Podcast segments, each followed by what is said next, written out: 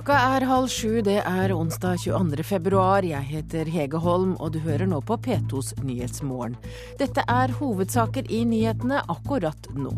Både lettelse og sjokk preger Os etter pågripelsen av drapmistenkt 18-åring. Nesten ingen vil anbefale andre å jobbe i barnehage. Du får vel kanskje ikke inntrykk av at de som jobber i barnehage har noe høyskoleutdanning. Og lønnsnivået er kanskje ikke det beste. Og musikk kan hjelpe barnehjemsbarn til et bedre liv, viser ny forskning.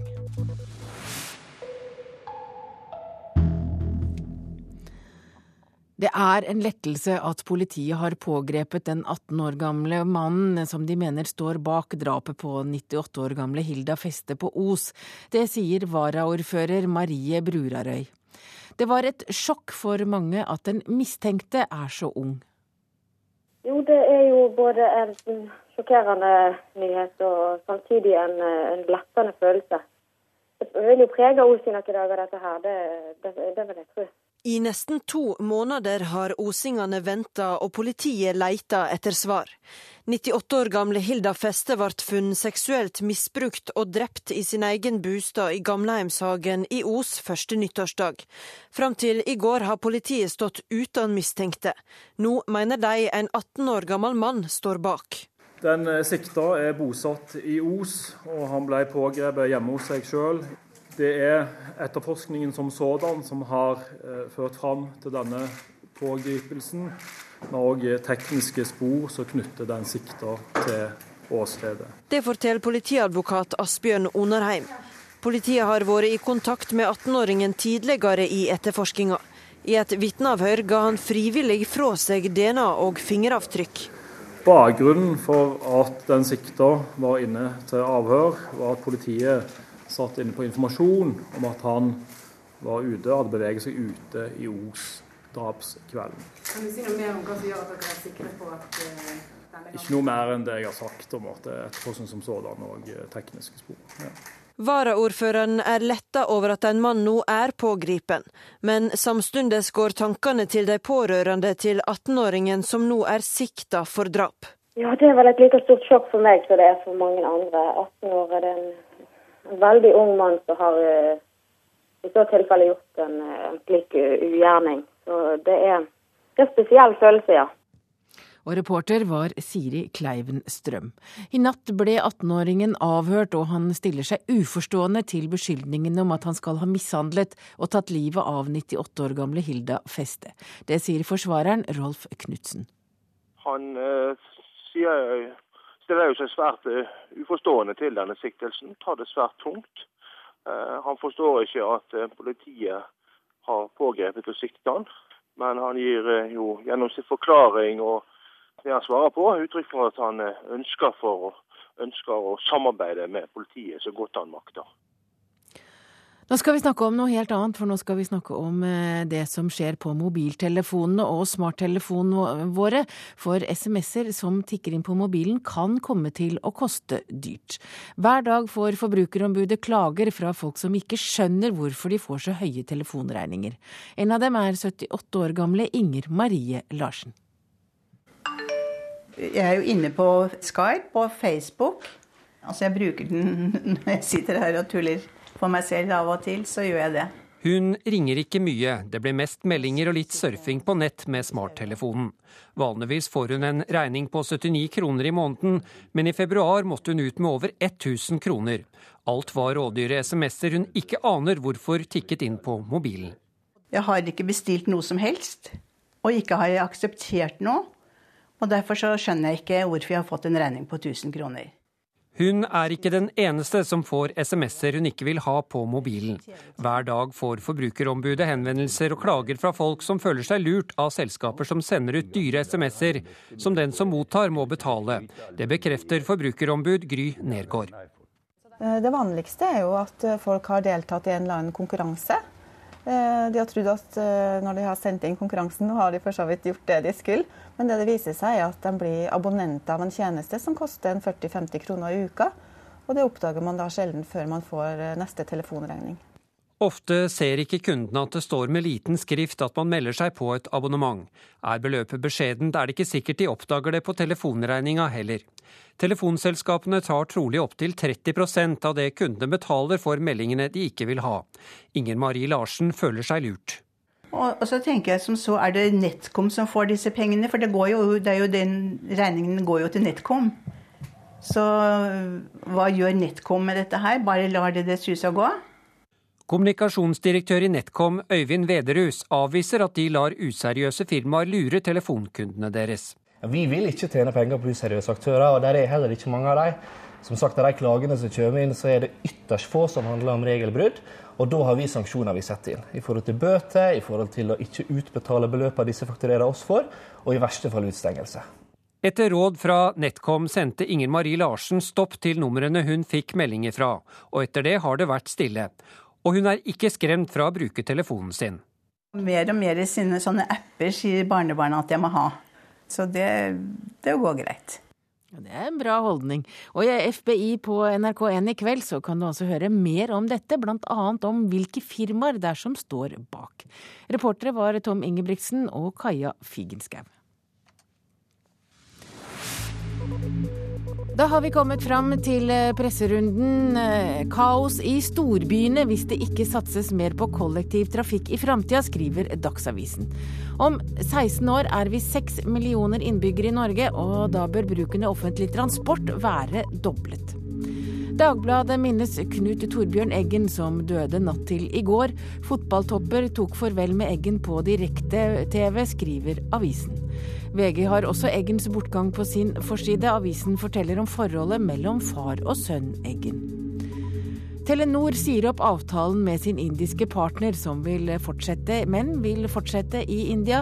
Telenor har investert 17 milliarder i India, skriver Dagens Næringsliv. Det indiske selskapet har ikke lenger mobillisens i landet.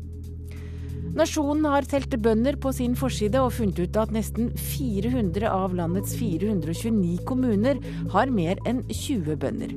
Landbruket er distriktenes viktigste næring, sier bygdeprofessor Reidar Almås til avisen.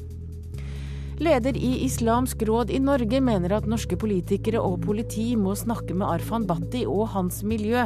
Det skriver Klassekampen. I Bergens Tidende skriver de at Høgskolen i Bergen har brukt 80 millioner kroner på et prosjekt som skal utdanne klokkedykkere, men etter seks år er fortsatt ikke høyskolen klar til å ta opp studenter. Nå stoppes prestisjeprosjektet. Adresseavisen var på postkontoret på Moholt i Trondheim da det ankom ti kilo dopingmidler, og de var ikke alene, politiet var der også. Nye tall viser at det er hjemmetjenester for mennesker under 67 år som sørger for de største postene i de offentlige helseutgiftene. Det skriver Vårt Land. Med andre ord, de gamle er, ikke, er eldst, men ikke dyrest. En spesiell turtrend i Aftenposten i dag. Grønland og polene er nå blitt populære feriemål. Folk trener for å holde ut i ekstrem kulde over lang tid. Det tar f.eks. omtrent 23 dager å krysse Grønland i 40 minusgrader.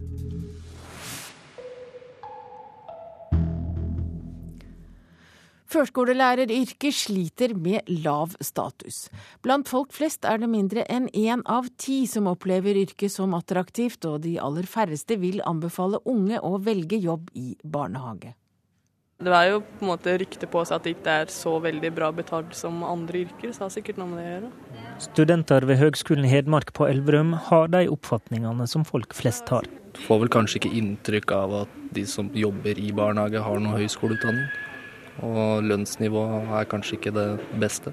For en meningsmåling Norstat har gjort for Kunnskapsdepartementet, viser at stusslige 13% ville anbefale yrket for andre, dersom de ble spurte til råds.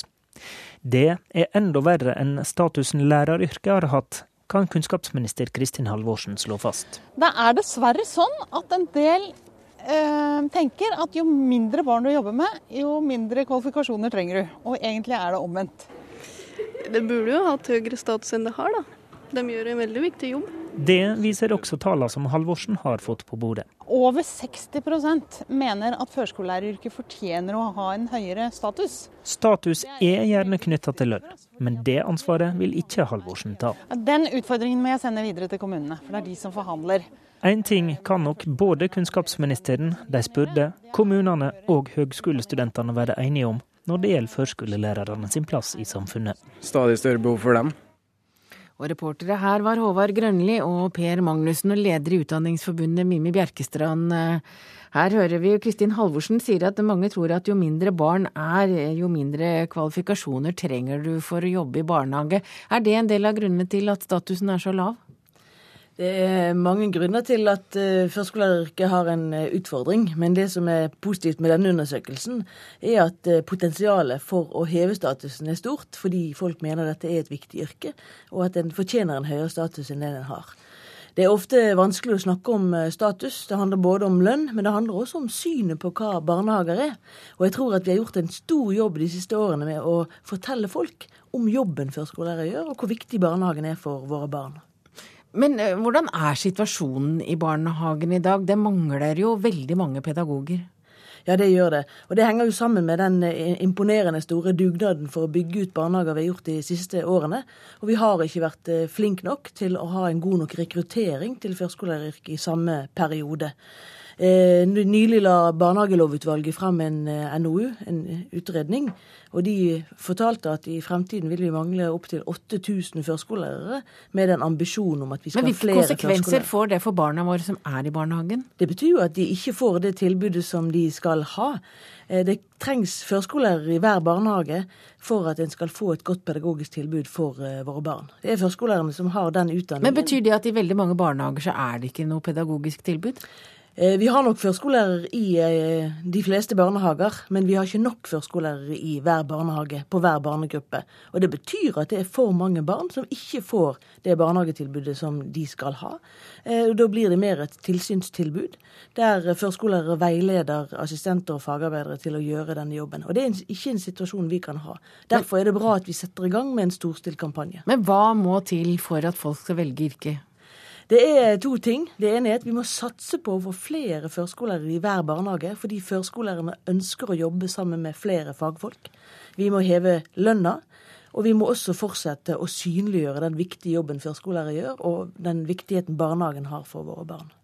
Vi skal, vi skal, ha med oss eh, en til her. Tore Aasland, du er forsknings- og høyere utdanningsminister. Og det er nå snakk om utdanning av førskolelærere. Hvor alvorlig er det at mange barnehager har så få pedagoger? Det er alvorlig, og det er jo derfor også vi setter i gang denne kampanjen eh, som har to formål. Det ene er å få opp statusen, og det andre er å få flere eh, til å søke seg til førskolelærerutdanningen. Eh, som Bjerkestad nevner her, vi har jo hatt en fantastisk politisk utvikling med barnehageutbygging. Og nå er det nesten en selvfølge at barna går i barnehage, og at alle får plass. Og da er det viktig at vi Så dette er en voksesmerte, egentlig? Det, det er en litt voksesmerte, kan man si. Men, men vi, vi, har jo håp om at oppmerksomheten nå skal bli der med kampanje og med forhåpentligvis enda flere som søker seg til Dere har jo jobbet betalt for å få folk til å søke lærerutdanninga, og det har dere jo klart. Det er iallfall mange søkere. Har det da gått på bekostning av førskolelærerutdanninga? Det er litt vanskelig å si. Vi håper jo ikke det, men det er klart noen av de som konkurrerer om, om eller førskolelærerutdanningen konkurrerer nok med den laveste lærer, altså lærerutdanningen 1. til 7. trinn. Men vi håper jo at det er kandidater der ute, og unge mennesker der ute, som vil både bli førskolelærere og som vil bli lærere. Men hva lokker du med? Vi lokker jo med at det er verdens aller viktigste yrke. Det er jo ikke sant, det er mange som ikke tenker på Hvis det. Hvis det er det, så vil det jo være verdens best betalte yrke, og det er det jo ikke. Nei, men det blir det kanskje. Det kan jo, det kan ja. jo bli en god utvikling. Høyere lønn vil jo Utdanningsforbundet ha. Ja, ikke sant. Og det, da må vi gjøre det vi kan for å, bli, for å gjøre utdanningen eh, tiltrekkende for så mange som mulig. Og så vil jo det i seg selv, det at vi får flere pedagoger i barnehagen, det vil jo i seg selv være med på å øke statusen.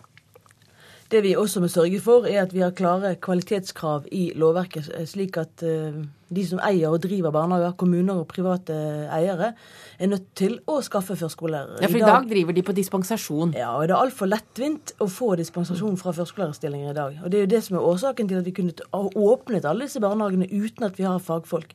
Jeg leste nylig i avisen at eh, en stopper tunnelprosjekter på eh, europaveiene her i landet fordi man ikke har ingeniører. Så kan man ikke bygge ferdig tunnelene. Og det er jo betryggende for oss som er bilister. På samme måte burde det vært i barnehagen. Vi skulle ikke kunne åpnet disse barnehagene uten at vi har fagfolk. Så vi mener at vi trenger en klar innstramning i muligheten for dispensasjon. Ja, jeg er ikke uenig, uenig, i det, absolutt. Og det vi iallfall trenger, det er mer oppmerksomhet om viktigheten av, av, det å være førskolelærer og det å ha utdannet pedagogisk personell i barnehagene. Så derfor kampanje, derfor nå satsing. Vi satser også på en ny førskolelærerutdanning. Eh, som vi kommer til å sette ut i livet fra neste år. Eh, og det er jo også en forbedring av den førskolelærerutdanningen vi har i dag. Så de som kommer til å nyte godt av barnehager fulle av kvalifisert arbeidskraft, det er vel de som eh, nesten bare er påtenkt i dag? Jeg vil tro at det finnes for mange barn som går uten i dag, men de som blir født i dag, de skal få barnehager fulle av førskolelærere. Det er jeg helt enig i. Takk til deg, Mimmi Bjerkestrand, leder i Utdanningsforbundet, og forsknings- og høyere utdanningsminister Tora Aasland. Du hører på Nyhetsmorgen i NRK P2 og Alltid nyheter. Klokka er 6.45, og dette er hovedsaker i nyhetene. Både lettelse og sjokk preger Os etter pågripelsen av den drapsmistenkte 18-åringen. Førskolelæreryrket er lite attraktivt, få vil anbefale yrket til andre. Og følg med, kristenavisen Norge i dag tror det er politiske grunner til kutt i statsstøtten. Det er det ikke, svarer Kulturrådet.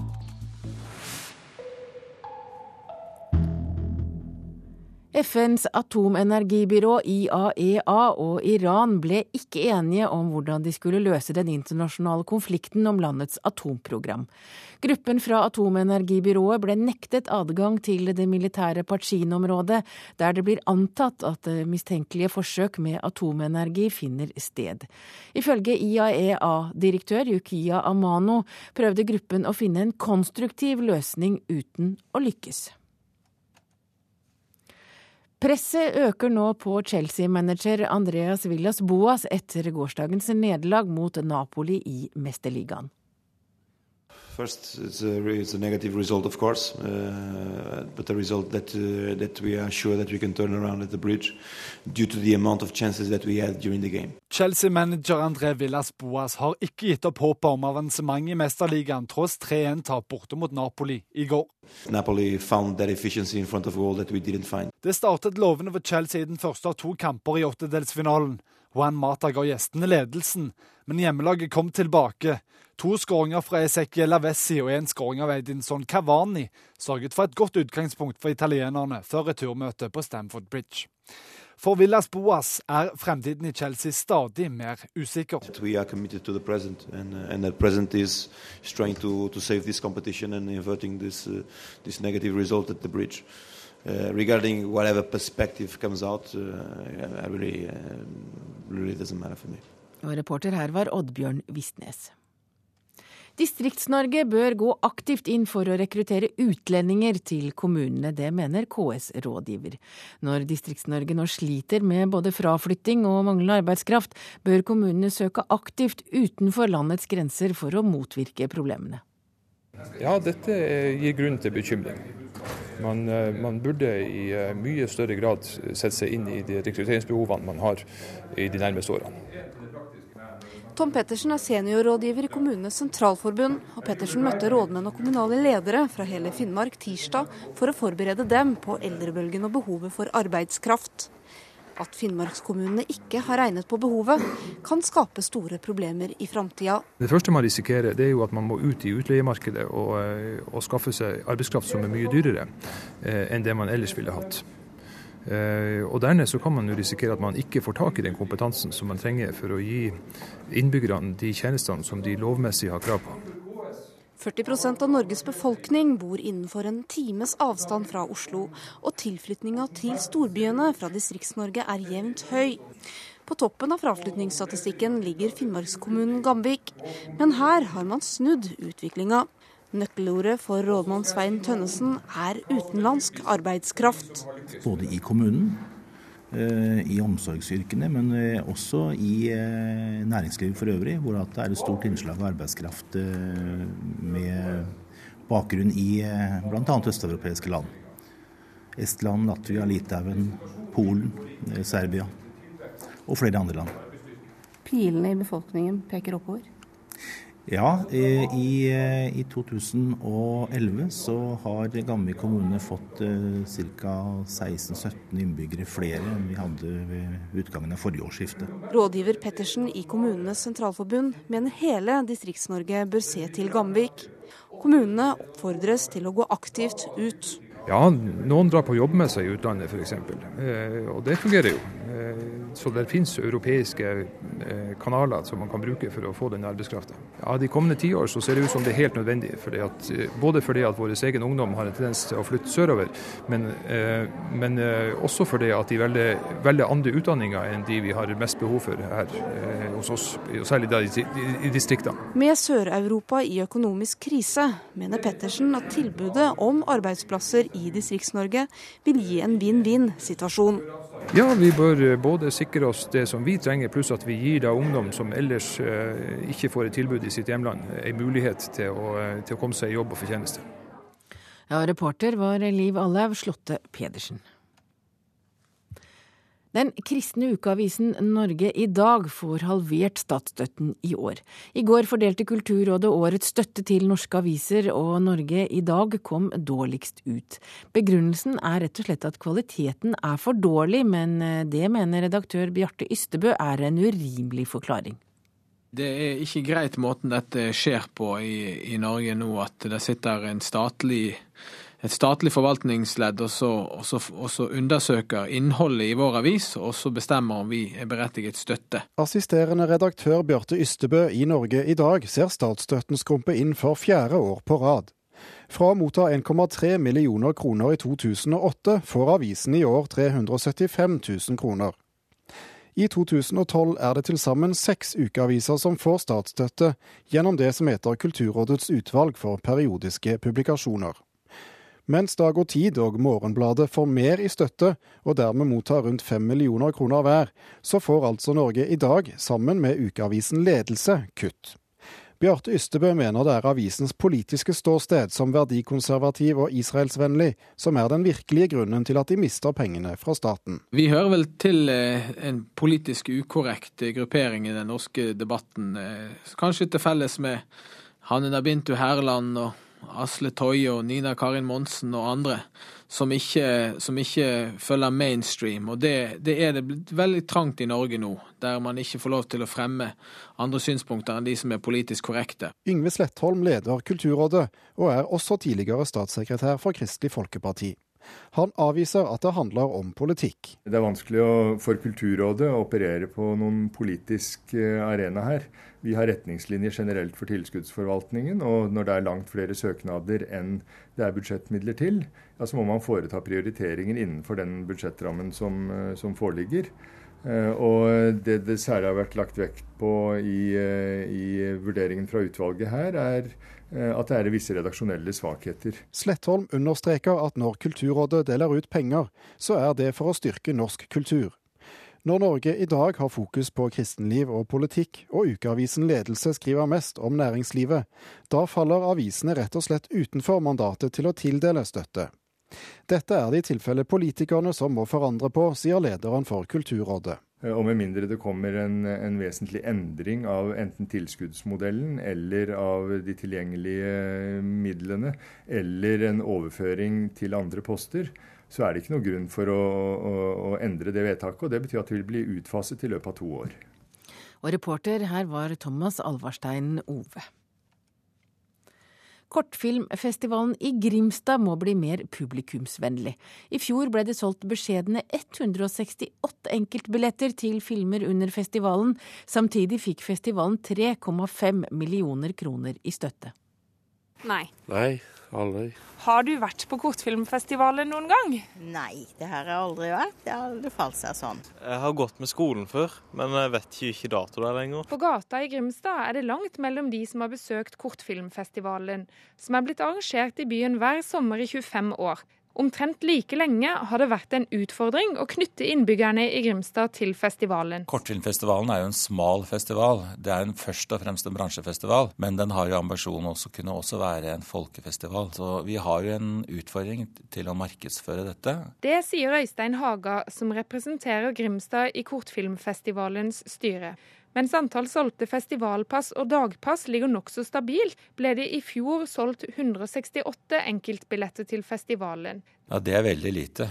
Det er veldig lite. Og det forteller noe om eh, vårt forhold til altså Grimstads lokalfolket i Grimstad. da hvordan de har det i forhold til denne festivalen, det er lavt. I fjor fikk Kortfilmfestivalen fornya knutepunktstatus. Det betyr at den er sikra penger fra Kulturdepartementet, men det betyr også at det stilles krav til festivalen. Blant kravene som stilles, er at festivalen må åpne seg opp og være mer publikumsvennlig. Og Det ønsker vi å gjøre. Det er jo så mange gode kortfilmer og dokumentarer som jeg ønsker at folk skal få oppleve. Vi har en strategi nå på å øke deltakelsen i den lokale delen. Og den jobber vi veldig hardt med. Det målet vårt nå. Å få Grimstad og Agder til å bli stolt vertskap og deltakere i festivalen.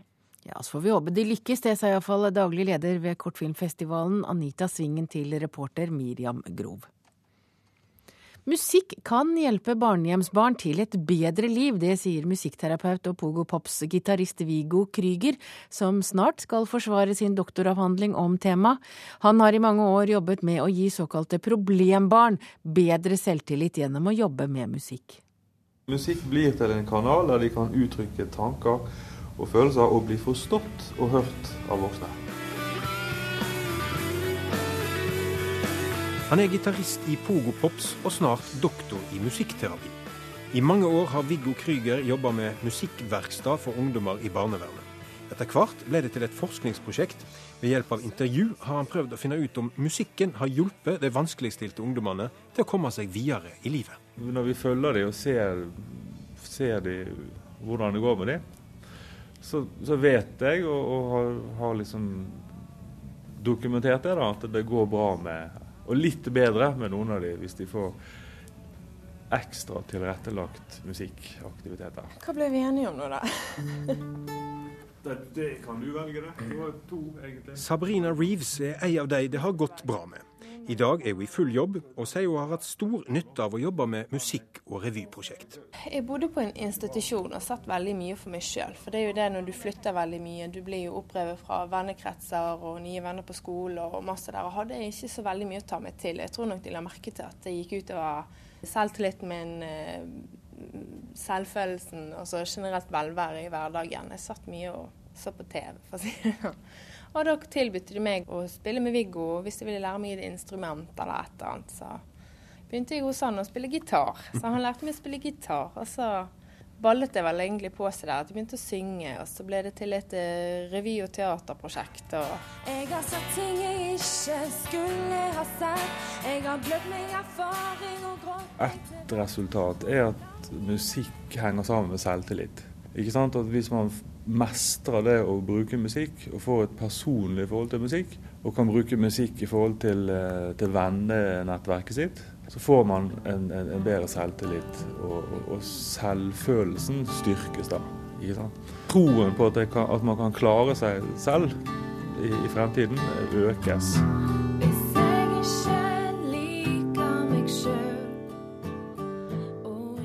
Og reporter her var Halvor Folgerød. Da har vi kommet fram til et værvarsel som gjelder til midnatt. Fjellet i Sør-Norge sørvestlig kuling, i kveld vestlig sterk kuling utsatte steder sør for Jotunheimen. Snø og lokal snøfokk. Østafjells økning til sørvestlig stiv, senere opp i sterk kuling på kysten. I Agder perioder med regn, snø over 1000 meter. Lokalt mye nedbør. Rogaland og Hordaland sørvestlig frisk bris, i ettermiddag stiv kuling, i kveld regne nordvestlig. Regn og snø over 700 til 1000 meter, og her forventes det også store nedbørmengder. Sogn og Fjordane sørvest liten kuling, liten storm ved Stad, forbigående minkende i ettermiddag og utpå kvelden vestlig liten kuling. Regnbyger og til dels mye nedbør, og det blir snø i høyden. Møre og Romsdal og Trøndelag sørvestlig sterk kuling, periodevis liten storm på kysten. Regnbyger og snøbyger over 700 meter, og for det meste opphold i indre strøk av Sør-Trøndelag. Helgeland, Saltfjellet, Salten og Ofoten sørøstlig liten kuling, i ettermiddag sørvestlig stiv kuling på kysten i sør. Snø i ettermiddag, overgang til regn i sør. Lofoten, Vesterålen østlig frisk bris, av og til liten kuling sør i Lofoten. I kveld dreiende nordøstlig. Litt snø. Troms etter hvert skyet eller delvis skyet oppholdsvær. Finnmark vestlig bris, stiv kuling på kysten. Kortvarig liten storm. Snøbyger. Og så er det Spitsbergen, enkelte snøbyger lengst vest eller delvis skyet.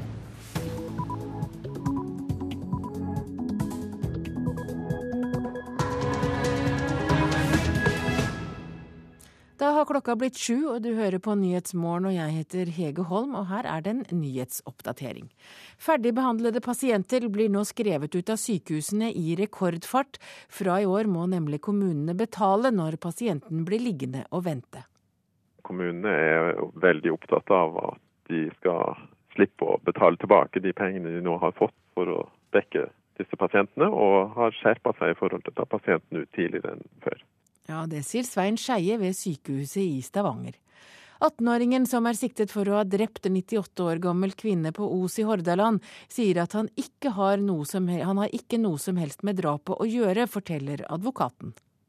Han eh, tar det svært tungt. Han eh, ønsker å samarbeide med politiet så godt han makter. Nesten ingen vil anbefale andre å jobbe i barnehage, viser ny undersøkelse.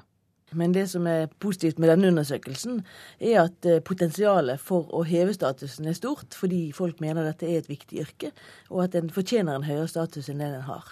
Ja, Det sier leder i Utdanningsforbundet, Mimmi Bjerkestrand. Anders Behring Breivik ønsker ikke at familien skal vitne i rettssaken. Det sier forsvarer Vibeke Hein Bæra. Han er jo opptatt av å forklare hvorfor han gjorde det han gjorde. Så så langt har ikke han sett det som noen eh, noen særlig aktuelle vitner for sin del. SMS-ene som tikker inn på mobilen kan koste deg dyrt. Jeg har ikke bestilt noe som helst, og ikke har jeg akseptert noe. Og derfor så skjønner jeg ikke hvorfor jeg har fått en regning på 1000 kroner. Og det sier 78 år gamle Inger Marie Larsen, en av dem som føler seg lurt. Nyhetsmorgen. Ferdigbehandlede pasienter skrives nå ut fra sykehusene i rekordfart. Det viser tall NRK har hentet inn fra noen av de største sykehusene. Fra i år må kommunene betale for hvert døgn pasienten blir liggende og vente. Og ved Stavanger universitetssykehus var antall ventedøgn i januar mer enn halvert sammenlignet med i fjor. Per Varland er glad for å være ute av sykehuset. Jeg tror det jeg ville foretrekke å bo her fremfor Stavanger sykehus. Mm. Nå er Per på Stavanger kommunes nye overgangsavdeling ved Vålandstunet sykehjem. Eplegrøt med fløte i dag. Det er dette som er poenget med Samhandlingsreformen. Ut av sykehus raskere. Kommunen tar over ansvaret. Nå har jeg akkurat vært på sykehuset på uthandling i dag. Hver ettermiddag og hver formiddag. 4000 kroner per døgn må kommuner betale sykehuset hvis en innbygger blir liggende etter at han er klar for utskriving. Nå blir altså pasienter hentet ut raskere enn før. Divisjonsdirektør medisin i Stavanger, Svein Skeie, er ikke i tvil om årsaken. Kommunene er veldig opptatt av at de skal slippe å betale tilbake de pengene de nå har fått for å dekke disse pasientene, og har skjerpa seg i forhold til å ta pasienten ut tidligere enn før. For med reformen fikk kommunene penger, som de får beholde hvis de selv tar hånd om pasientene. Spørsmålet er om de klarer jobben. Ja, vi har jo tillit til at kommunene eh, lager tilbud til de pasientene på det nivået de finner riktig, og vi har ikke indikasjoner på at de ikke gjør det. Det kan kanskje være enkeltpasienter, men hovedbildet er at kommunene gjør en god jobb i forhold til å gi de pasientene et adekvat tilbud. Foreløpige tall fra Oslo-sykehusene peker også mot raskere utskriving. Ved Universitetssykehuset Nord-Norge er antall ventedøgn i januar halvert i forhold til i fjor. Det kan tyde på at reformen virker, sier leder Bjørn Engum ved Nasjonalt senter for samhandling og telemedisin. Det at eh, betalingsplikten ble innført nå fra årsskiftet, fra dag én, den ser ut i hvert fall til å virke her hos oss. Og i nord betyr det ledige senger til pasienter i helsekø. Så lenge vi har pasienter som venter, så er det en, en løsning som er veldig bra. Både for eh, økonomi og for eh, de pasientene som venter på behandling hos oss. Karolina Martinsen ved Vålandstuen sykehjem ser allerede mønsteret i hva slags pasienter kommunen må ta imot fra sykehuset. Ja, Det er eldre, skrøpelige pasienter. NRK har tidligere i vinter fortalt at det store flertallet av kommuner ennå ikke har laga i stand et tilbud slik som i Stavanger. Behovene til pasienten blir raskt klarlagt, og de får fysioterapi og opptrening hver dag her på overgangsavdelingen. Ulempen tror hun kan være at det blir mange mellomstasjoner for de pasientene som uansett må bli buende på sykehjem. På kommunens overgangsavdeling kan de nemlig ikke være mer enn maks to uker. Pasienten kan oppfatte det som at det blir en kasteball. Eh, først er de på sykehuset en liten periode, videre til overgangsavdelingen og etterpå til et annet tilbud. Så Derfor er det veldig viktig at vi gir pasientene og pårørende god informasjon, eh, sånn at de blir trygge på kommunens tilbud. Per Varland derimot håper han snart skal klare seg sjøl igjen. Jeg skal hjem, da. Jeg går jo bare og venter på at jeg skal komme hjem nå. Jeg så innen to-tre dager at jeg kan få Ja, reportere her var Hanne Høyland, Håvard Grønli og Katrin Hellesnes. Bent Høie fra Høyre, du er leder i helse- og omsorgskomiteen på Stortinget. Her hører vi at antallet ventedøgn er halvert flere steder. Det viser vel egentlig at Samhandlingsreformen virker? Ja, akkurat denne delen av Samhandlingsreformen eh, var det jo tverrpolitisk enighet om, nemlig at kommunene skulle betale fra, eh, for de utskrivningsklare pasientene og ta imot de raskere. Og den betalingen er såpass høy at det var ingen, tror jeg, som egentlig tvilte på at uh, dette kom til å ha effekt. Men uh, det som jo gjenstår å få vite mer om, er jo hva tilbud disse pasientene får i kommunene. fordi dette er ikke vellykka før vi òg er trygge på at kommunene gir et bedre tilbud enn det sykehuset gjør. Nei, og vi hørte jo her at flere følte seg som kasteballer. Først så var det sykehus, så var det to uker på sykehjem, og så måtte de til et annet tilbud. Og dette er jo skrøpelige, syke mennesker. Ja, og, og, det er klart at for mange av disse så er det å ligge på sykehuset ikke et godt alternativ, fordi at der blir en ofte bare liggende i ei seng og er passiv. Men det en har behov for, det er jo et aktivt tilbud, sånn som en får i, i Stavanger, som det viste, der en får fysioterapi, opptrening og ikke minst rehabilitering som gjør at en kan klare seg sjøl hjemme. Og får en det, så er dette veldig, veldig bra.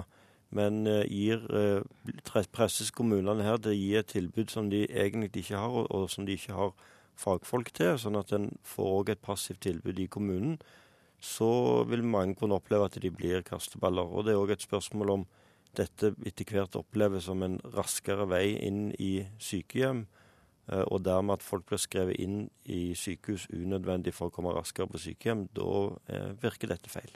Men eh, dette er jo ikke en reform som kom over natten. Samhandlingsreformen har jo vært planlagt i flere år. Men som vi hørte her, så er det jo flere kommuner som ikke har forberedte tilbud, som, tilbud til folk som kommer tilbake fra sykehus tidligere. Hvorfor det?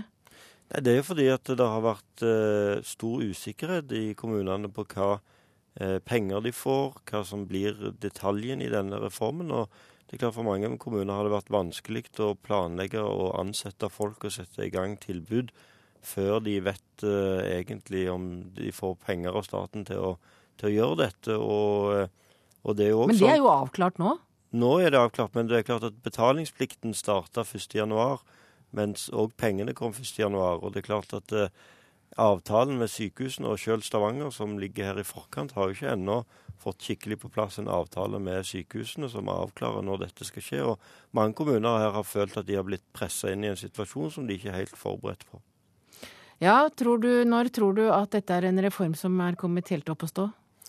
Nei, Dette er en reform som det kommer til å ta eh, flere år før på en måte virker fullt og helt. Og det er sikkert òg behov for å gjøre justeringer og endringer underveis. Men det er ingen partier som er uenige i denne retningen som denne reformen har, skal ta. Men det har vært politisk diskusjon om en del av virkemidlene. Og det er klart at pasienter ut av sykehus til et godt kommunalt tilbud, det er alle enig i, og det er bra. Det som det har vært stilt mest spørsmålstegn med, er at også kommunene må betale for en del av pasientene som kommer inn for sykehuset. Og, kanskje og da må de ha et tilbud. Takk til deg, Bent Høie fra Høyre, leder av helse- og omsorgskomiteen på Stortinget. Det er lettelse etter at politiet pågrep en mann som de mener drepte 98 år gamle Hilda Feste på Os. Det sier varaordfører Marie Brurarøy. Det har nå gått nesten to måneder siden det brutale drapet første nyttårsdag. Samtidig synes varaordføreren det var et sjokk å høre at den mistenkte bare var 18 år gammel.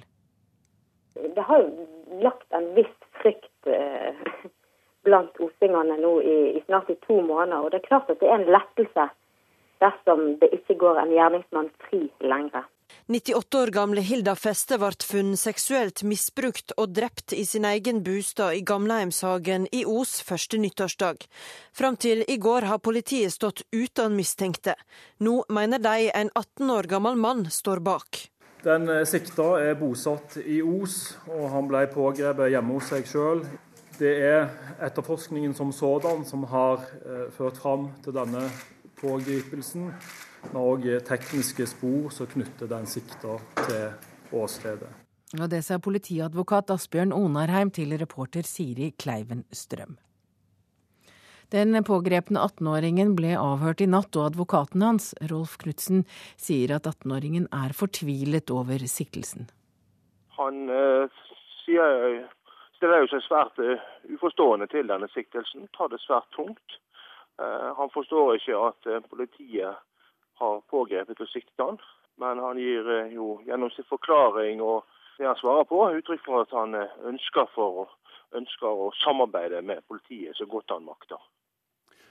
Hva har han forklart om hva han gjorde drapskvelden? Um, han har forklart at han i liten utstrekning husker dette fordi han har vært påvirket av alkohol. Hva husker han fra tidlig på kvelden? da?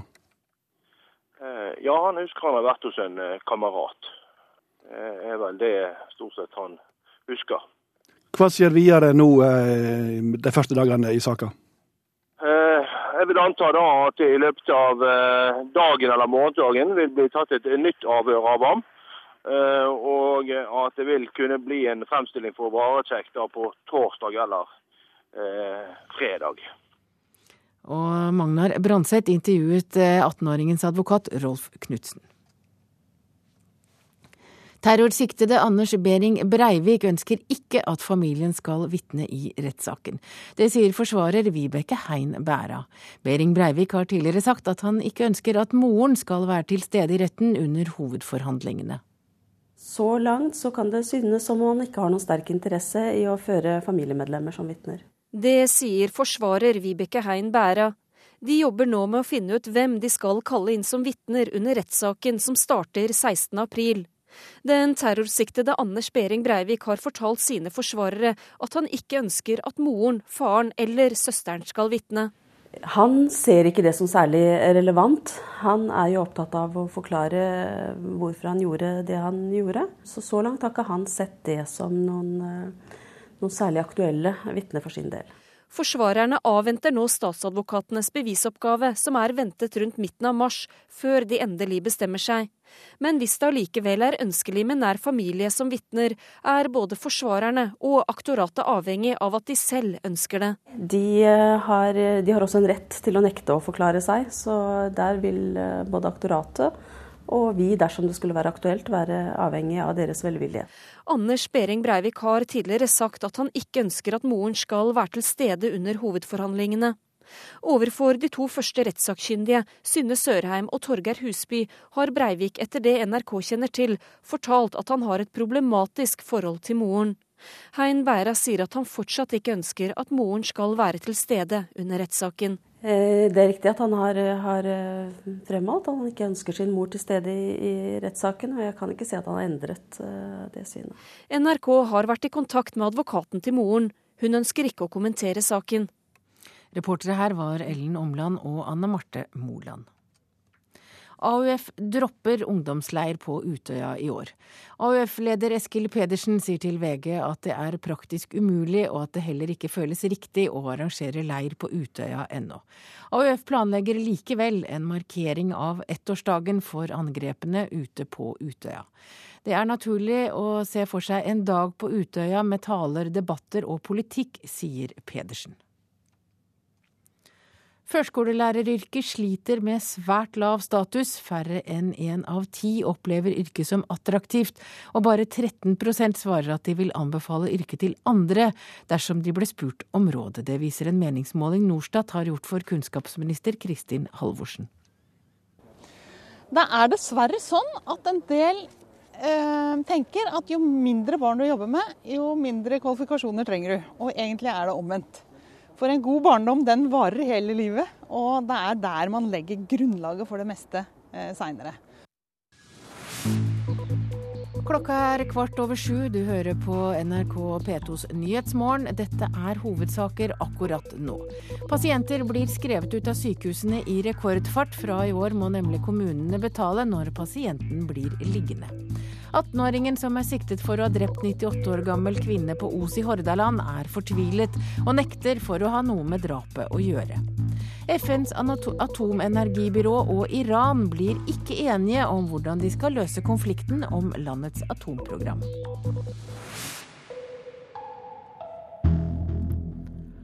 Og så er vårens kanskje vakreste eventyr i gang. I hvert fall så har lønnsoppgjøret vært et tema denne uken. Og de fleste av oss håper i hvert fall, og forventer kanskje, å få noe høyere lønn. I fjor steg lønningene i snitt med 4,3% og vi fikk altså mer penger å rutte med, tross at arbeidsgiversida og arbeidstagersida snakket om moderasjon. Elisabeth Holvik, du er sjeføkonom i Sparebank1-gruppen. Eh, hvis vi skal spå litt, hvordan tror du det går i vårens lønnsoppgjør? Jeg tror at eh, det blir eh, litt mer penger til eh, alle, men jeg tror vi må forberede oss på at det blir et mer forsiktig oppgjør enn det har vært tidligere. Men skal huske at i mange år nå så har det vært en kraftig forbedring av kjøpekraft på folk. En har hatt en god lønnsvekst, samtidig som prisveksten har vært veldig lav. Og så har jo renta vært lav, slik at alle de som har boliglån, har jo opplevd en veldig sterk eh, inntektsvekst eller kjøpekraftsforbedring de siste årene. Men, men, hvorfor skulle vi få et dårligere lønnsoppgjør i eh, år enn det vi fikk i fjor? Jo, fordi nå er jo vi i en situasjon der eh, Europa er i krise.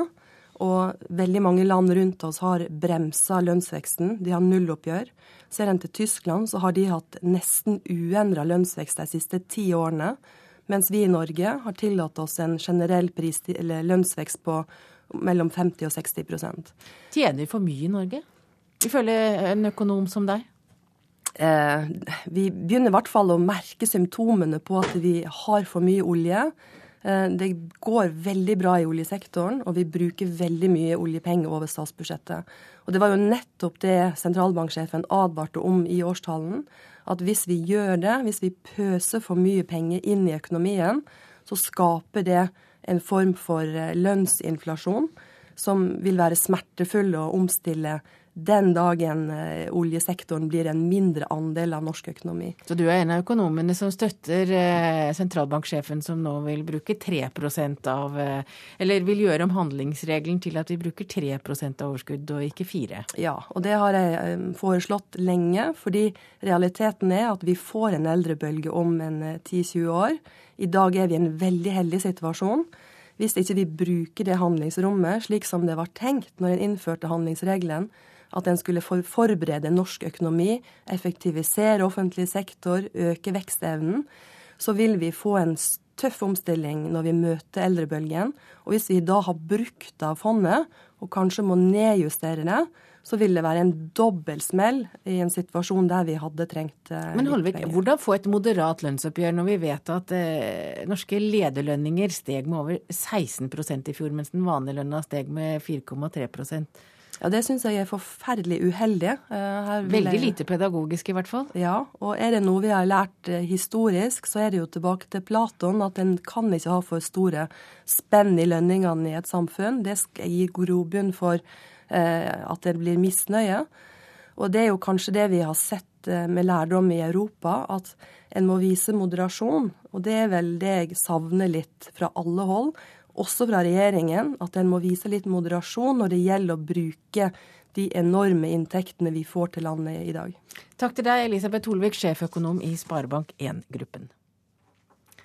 Da er vi kommet fram til økonomimeldinger her i Nyhetsmorgen. Linjene til Idar Vollviks Ludo går mot nedstengning om seks dager. Post- og teletilsynet har avgjort at telelinjeleverandør Ventelo har rett til å stenge linjene for Ludos 40 000 mobilkunder. Nedstengningen kan skje tidligst 29.2 klokka ni, ifølge brevet. Og tilsynet opplyser i samme brev at Vollvik bør varsle sine kunder om vedtaket innen onsdag morgen klokka ni. Telenor fortsetter med nytt selskap i India. Det norske teleselskapet skriver i en melding at de sier opp avtalen med det indiske partneren Unitech. Telenor tømmer det eksisterende datterselskapet Unionor for verdier, kunder og ansatte. For kort tid siden ble Telenor fratatt telelisensene de har i India, da lisensene var utdelt under uryddige forhold. FNs atomenergibyrå IAEA e ble ikke enige med regimet i Iran om hvordan de skulle løse konflikten om landets atomprogram. Byråets inspektører avsluttet i går kveld et to dagers langt besøk i Iran. Det andre besøket på ett år, og Midtøsten-korrespondent Sigurd Falkenberg Mikkelsen, eh, kom det egentlig noe ut av besøket, annet enn eh, diskusjon? Nei, og det er jo noe av problemet her. Det ble ingen inspeksjon, kun diskusjon, og da heller ingen enighet. Eh, IAEA hadde da, søkte da for å finne en slags felles forståelse med Iran. Og disse IAEA-inspektørene, som da var under ledelse av eh, belgeren Herman Nekkic, eh, de reiser nå tilbake til Wien med uforrettet sak. Og dette på et meget kritisk tidspunkt i forholdet mellom Iran og resten av verden. IAEA har gitt ut en rapport eh, i november som eh, var mer eksplisitt enn tidligere på Irans eh, intensjoner om rundt dette atomprogrammet. Og Samtalen var da på forhånd beskrevet som et, en, en slags siste sjanse for å få klarhet i dette.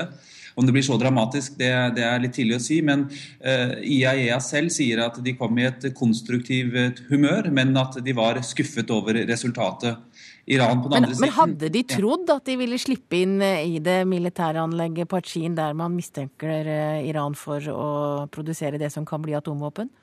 Ja, altså De forsøkte også i januar å komme dit. Pachin ligger rett i nærheten av Teheran. Eh, og Signalene på forhånd var at denne gangen skulle de få lov til å slippe inn. Også skulle få lov til å intervjue noen av de sentrale eh, forskerne som jobber med eh, atomprogrammet til Iran. Det skjedde ikke.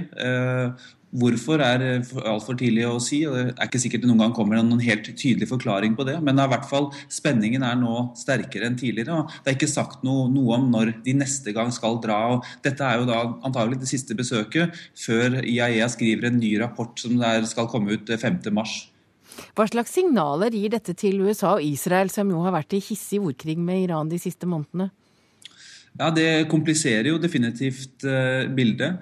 Og Dette var så viktig fordi det har kommet signaler fra Iran om ønsket om å gjenoppta samtalene med, med FNs, uh, medlemmene av FNs sikkerhetsråd pluss Tyskland, altså nye forhandlinger. Uh, FN har allerede implementert fire runder med sanksjoner mot Iran. Og så har du da denne trusselen om en væpnet aksjon, enten fra Israel eller fra USA.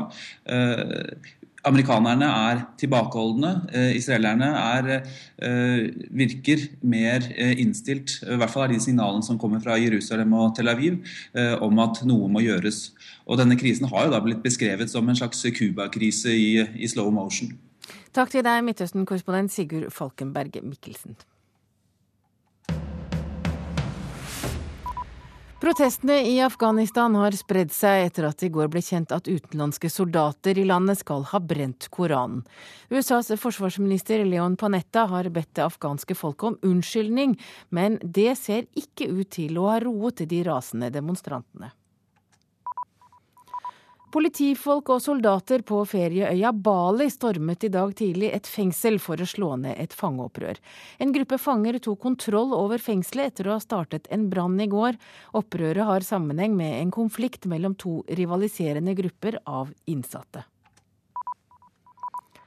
Venezuelas president Hugo Chávez må gjennom nok en operasjon etter at det ble oppdaget en ny vevskade under legeundersøkelse på Cuba.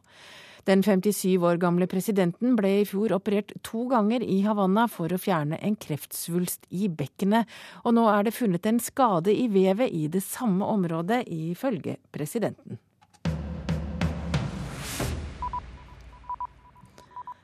Kampen mot somaliske pirater i Det indiske hav har ført til diplomatisk krise mellom Italia og India. Væpnede sikkerhetsvakter om bord på et italiensk tankskip skjøt og drepte to indiske fiskere som de feilaktig trodde var pirater. De to sikkerhetsvaktene sitter nå i fengsel i India. Stadig dristigere sjørøvere fra Afrikas Horn har operert så langt øst i Det indiske hav at de i prinsippet er til stede i samme kystfarvann som indiske fiskere. De to arresterte sikkerhetsvaktene tilhører en eliteavdeling i det italienske marinekorpset, og hele den italienske regjeringen, med utenriksminister Giulio Terzi i spissen, stiller seg bak skytingen. I nostri militari in operazioni di pace, in antipirateria, lo ripeto anche oggi, è una priorità assoluta del governo italiano, dell'Italia. En delegasjon satt sammen av diplomater fra så vel utenriks- som forsvars- og justisministeriet i Roma har reist til India. Italienerne mener at inderne har tatt loven i egne hender og handlet i strid med maritim rett da de tok arrest i skipet og førte det inn til Kochi i Sør-India.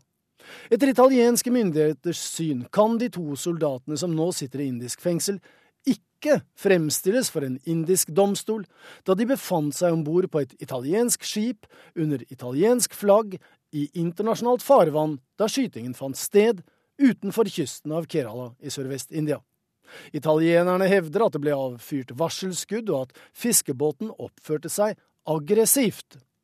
Inderne har på sin side protestert kraftig mot likvideringen av to ubevæpnede sivilister, og fastholder at de mistenkte må svare for sin ugjerning i en lokal indisk rett. I går ga en rettsinstans i den indiske byen Kolam politiet rett til å ransake denne italienske tankeren, med tanke på å finne de angivelige mordvåpnene. Konflikten mellom India og Italia med utgangspunkt i Kerala er pikant, da Kerala er den mest katolske delstaten i India. Den styres av en koalisjon der Kongresspartiet er den dominerende alliansepartneren. Kongresspartiet ledes på nasjonalt plan av italienskfødte Sonja Gandhi, enken etter tidligere statsminister Rajiv Gandhi og svigerdatter av tidligere statsminister Indira Gandhi. Den hindu-nasjonalistiske opposisjonen i India har ofte brukt Sonia Gandhis katolsk-italienske bakgrunn som argument for at hun ikke er ekte inder, og som utlending ikke bør ha en så sentral politisk posisjon. Kardinalen i den katolske kirken i Kerala frykter nå at opposisjonen vil forsøke å utnytte situasjonen ved å mane til kamp mot vestlige agenter og amerikansk dominans. Da har vi kommet fram eh, til en presserunde i dag onsdag 22. februar. Kaos i storbyene hvis det ikke satses mer på kollektivtrafikk i framtida, skriver Dagsavisen. Om 16 år er vi 6 millioner innbyggere i Norge, og da bør bruken av offentlig transport være doblet. Dagbladet minnes Knut Torbjørn Eggen som døde natt til i går. Fotballtopper tok farvel med Eggen direkte på TV, skriver avisen. VG har også Eggens bortgang på sin forside. Avisen forteller om forholdet mellom far og sønn Eggen. Nasjonen, eh, far og sønn Eggen, ja. Nasjonen i dag har telt bønder på sin forside og funnet ut at nesten 400 av landets 429 kommuner har mer enn 20 bønder. Landbruket er distriktenes viktigste næring, sier bygdeprofessor Reidar Almås til avisen. Leder i Islamsk råd i Norge mener at norske politikere og politi må snakke mer med Arfan Bhatti og hans miljø. Det skriver Klassekampen. Bergens Tidende skriver at Høgskolen i Bergen har brukt 80 millioner kroner på et prosjekt som skal utdanne klokkedykkere, men etter seks år er fortsatt ikke høyskolen klar til å ta opp studenter, og nå stoppes prestisjeprosjektet. Nye tall viser at det er hjemmetjenester for mennesker under 67 som sørger for de største postene i det offentlige helseutgifter. Det skriver Vårt Land, med andre ord, de gamle er eldst, men ikke dyrest. Og en spesiell turtrend i Aftenposten i dag. Grønland og Polen er populære feriemål. Folk trener for å holde ut i ekstrem kulde over lang tid. Det tar f.eks. omtrent 23 dager å krysse Grønland i 40 minusgrader. Denne nyhetsmorgendelen eh, er over. Produsent Ulf Tannes Fjell, jeg heter Hege Holm. Det er tid for Dagsnytt. Etter Dagsnytt skal vi til Tibet, og i Politiske kvarter skal det bl.a. i dag handle om Venstre som et liberalt parti.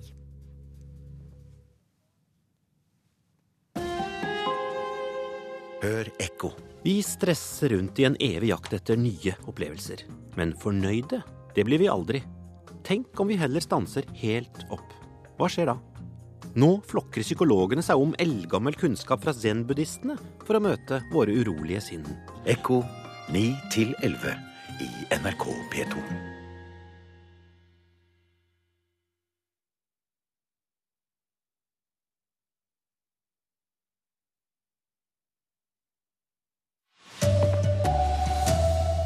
Mannen som er sikta for Os-drapet, husker nesten ingenting fra drapskvelden. Pasienter blir skyssa ut av sykehusene i rekordfart. Og mange eldre blir lurte til høyere mobiltelefonregninger. God morgen, her er NRK Dagsnytt klokka 7.30. Mannen som i går kveld ble sikta for drapet på 98-årige Hilda Feste, har i natt forklart seg for politiet. 18-åringen ble pågrepet i Os i går kveld. Forsvareren hans, Rolf Knutsen, sier det mistenkte har forklart at han ikke har noe med drapet å gjøre. Han eh, stiller seg svært uh, uforstående til denne siktelsen, tar det svært tungt. Uh, han forstår ikke at politiet har pågrepet og siktet han.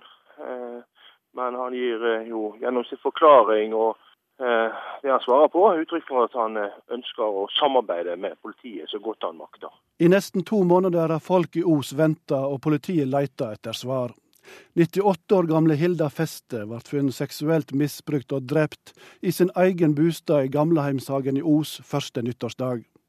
Nå mener de en 18 år gammel mann står bak. Den eh, sikta er bosatt i Os, og han ble pågrepet hjemme hos seg sjøl.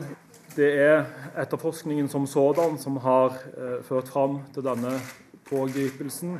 men òg tekniske spor som knytter den sikta til åstedet. Det forteller politiadvokat Asbjørn Onarheim. Politiet har vært i kontakt med 18-åringen tidligere i etterforskninga. I et vitneavhør gav han frivillig ifra seg DNA og fingeravtrykk.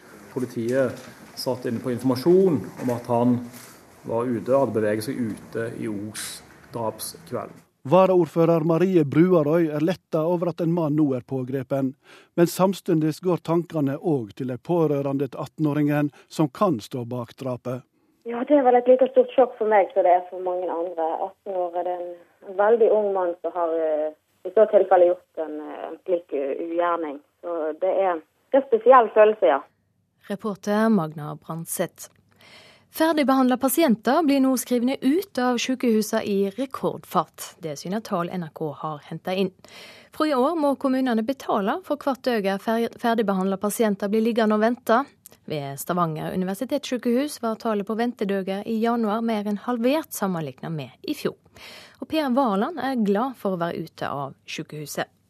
Jeg tror det jeg ville foretrekke å bo her fremfor Stavanger sykehus. Mm. Nå er Per på Stavanger kommunes nye overgangsavdeling ved Vålandstunet sykehjem. Eplegrøt med fløte i dag. Det er dette som er poenget med Samhandlingsreformen. Ut av sykehus raskere. Kommunen tar over ansvaret. Nå har jeg akkurat vært på sykehuset på uthandling i dag. Hver ettermiddag og hver formiddag. 4000 kroner per døgn må kommuner betale sykehuset hvis en innbygger blir liggende etter at han er klar for utskriving. Nå blir altså pasienter hentet ut raskere enn før. Divisjonsdirektør medisin i Stavanger, Svein Skeie, er ikke i tvil om årsaken. Kommunene er veldig opptatt av at de skal slippe å betale tilbake de pengene de nå har fått for å dekke disse pasientene, og har skjerpa seg i forhold til å ta pasienten ut tidligere enn før. For med reformen fikk kommunene penger, som de får beholde hvis de selv tar hånd om pasientene. Spørsmålet er om de klarer jobben. Hovedbildet er at kommunene gjør en god jobb i forhold til å gi de pasientene et adekvat tilbud. Foreløpige tall fra Oslo-sykehusene peker også mot raskere utskriving. Ved Universitetssykehuset Nord-Norge er antall ventedøgn halvert. Det tyder på at reformen virker, sier leder Bjørn Engum ved det nasjonale samhandlingssenteret. I nord betyr det ledige senger til pasienter i helsekø en løsning som er veldig bra, både for eh, økonomi og for eh, de pasientene som venter på behandling hos oss. Mange kommuner har en vei å gå fortsatt. NRK har tidligere i vinter fortalt at de fleste ikke har laga et slikt mottaksapparat som i Stavanger. Det er meget bra.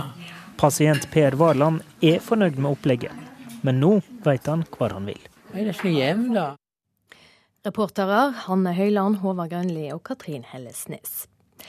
Førskolelæreryrket sliter med låg status. Blant folk flest er det mindre enn én en av ti som opplever yrket som attraktivt. Og de aller færreste vil tilrå unge å velge jobb i barnehage. Dette kommer fram i en undersøking som er gjort for kunnskapsminister Kristin Halvorsen. Det er dessverre sånn at en del eh, tenker at jo mindre barn du jobber med, jo mindre kvalifikasjoner trenger du. Og egentlig er det omvendt. For en god barndom den varer hele livet, og det er der man legger grunnlaget for det meste eh, seinere. USA utelukker ikke militær støtte til opposisjonen i Syria. Selv om USA ønsker en politisk løsning på krisa, sier Det hvite hus nå at andre tiltak kan bli vurderte. Voldsbruken som følge av opprøret mot president Bashar al-Assad ser ut til å tilta i styrke, og Det hvite hus melder nå at USA ikke utelukker militær støtte til syrisk opposisjon. That,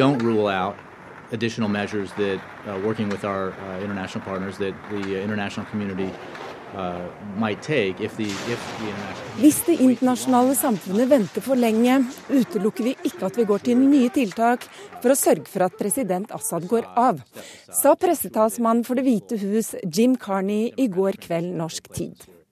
Da var det allerede klart at Russland ikke vil delta på den planlagte Syria-konferansen senere denne uka. Likevel håper USA fremdeles på en politisk løsning på krisen i Syria. We don't want to take actions that would contribute to the further militarization of Syria. Reporter Nina Bull Jørgensen. Tekstmeldinger som tikker inn på mobil kan koste deg dyrt. Hver dag får Forbrukerombudet klager for folk som ikke forstår hvorfor de får så høye telefonregninger. Og mange eldre er mellom de som blir lurte. En av dem var 78 år gamle Inger Marie Larsen. Jeg har ikke bestilt noe som helst, og ikke har jeg akseptert noe.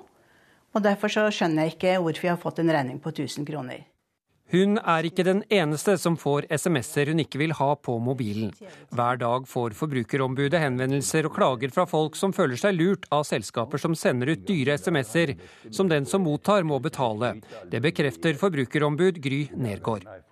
Det vanligste er jo at folk har deltatt i en eller annen konkurranse Eh, de har trodd at eh, når de har sendt inn konkurransen, har de for så vidt gjort det de skulle. Men det det viser seg, er at de blir abonnenter av en tjeneste som koster 40-50 kroner i uka. Ofte ser ikke kundene at det står med liten skrift at man melder seg på et abonnement. Er beløpet beskjedent, er det ikke sikkert de oppdager det på telefonregninga heller. Telefonselskapene tar trolig opptil 30% av det kundene betaler for meldingene de ikke vil ha. Kommunikasjonsdirektør i NetCom Øyvind Vederhus avviser at de lar useriøse firmaer lure telefonkundene deres. Vi vil ikke tjene penger på useriøse aktører, og der er heller ikke mange av dem. Som sagt, Av de klagene som kommer inn, så er det ytterst få som handler om regelbrudd, og da har vi sanksjoner vi setter inn. Etter råd fra NetCom sendte Inger Marie Larsen stopp til numrene hun fikk meldinger fra, og etter det har det vært stille. Og hun er ikke skremt fra å bruke telefonen sin. Mer og mer i sine sånne apper sier barnebarna at jeg må ha. Så det, det går greit. Og Det blir mer om dette i FBI på NRK1 i kveld. Reportere Tom Ingebrigtsen og Kaja Figenskaug. Den terrorsikta Anders Behring Breivik ønsker ikke at hans egen familie skal vitne i den kommende rettssaka. Det ser en av forsvarerne hans, Vibeke Hein Berra. Så langt så kan det synes som om han ikke har noen sterk interesse i å føre familiemedlemmer som vitner. Den terrorsiktede Anders Behring Breivik har tidligere sagt at han ikke ønsker at moren skal være til stede under hovedforhandlingene. Nå bekrefter Hein Bære at han heller ikke ønsker at mor, far eller søster skal vitne. Han ser ikke det som særlig relevant. Han er jo opptatt av å forklare hvorfor han gjorde det han gjorde. Så så langt har ikke han sett det som noen, eh, noen særlig aktuelle vitner for sin del. NRK har vært i kontakt med advokaten til moren. Hun ønsker ikke å kommentere saken. Reportere Ellen Omland og Anne Marte Moland. Så fotball. Presset øker på Chelsea-manager André Villas Boas etter gårsdagens nederlag mot Napoli i Meisterligaen. Sure Chelsea-manager André Villas Boas har ikke gitt opp håpet om avansement i Mesterligaen, tross 3-1-tap borte mot Napoli i går. Napoli Det startet lovende for Chelsea i den første av to kamper i åttedelsfinalen. Juan Mata ga gjestene ledelsen, men hjemmelaget kom tilbake. To skåringer fra Ezequiel Lavessi og én skåring av Edinson Cavani sørget for et godt utgangspunkt for italienerne før returmøtet på Stamford Bridge. Reporter Oddbjørn Visnes. Ansvarlig for Dagsnytt denne morgenen, Ragnhild Bjørge. Teknisk ansvarlig Odd Slåttland. Her i studio, Silje Sande.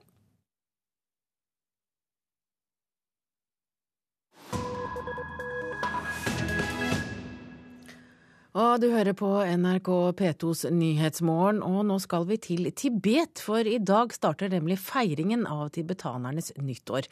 Og kinesiske myndigheter frykter at høytiden skal føre til nye opptøyer mot kinesisk styre i Tibet, og området er nå fylt med politiet og militæret. Og Anders Magnus, vår korrespondent i Asia, hva er det de frykter?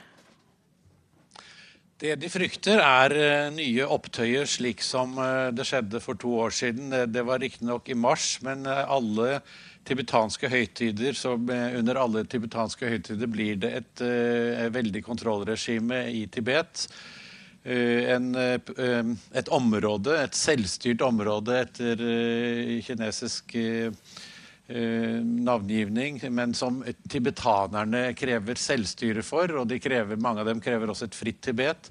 Det siste året har over 20 tibetanske nonner og munker satt fyr på seg selv i protest med krav om et fritt Tibet. Og det er jo akkurat disse protestene som har vært veldig intense i de siste ukene, som har ført til at uh, kinesiske myndigheter nå nærmest har innført unntakstilstand i store deler av Tibet. Med, turister som har vært der nylig, har fortalt meg at uh, i Lhasa, hovedstaden, så, så står det uh, politi, væpnet politi eller militære omtrent hver 20. meter i gatene.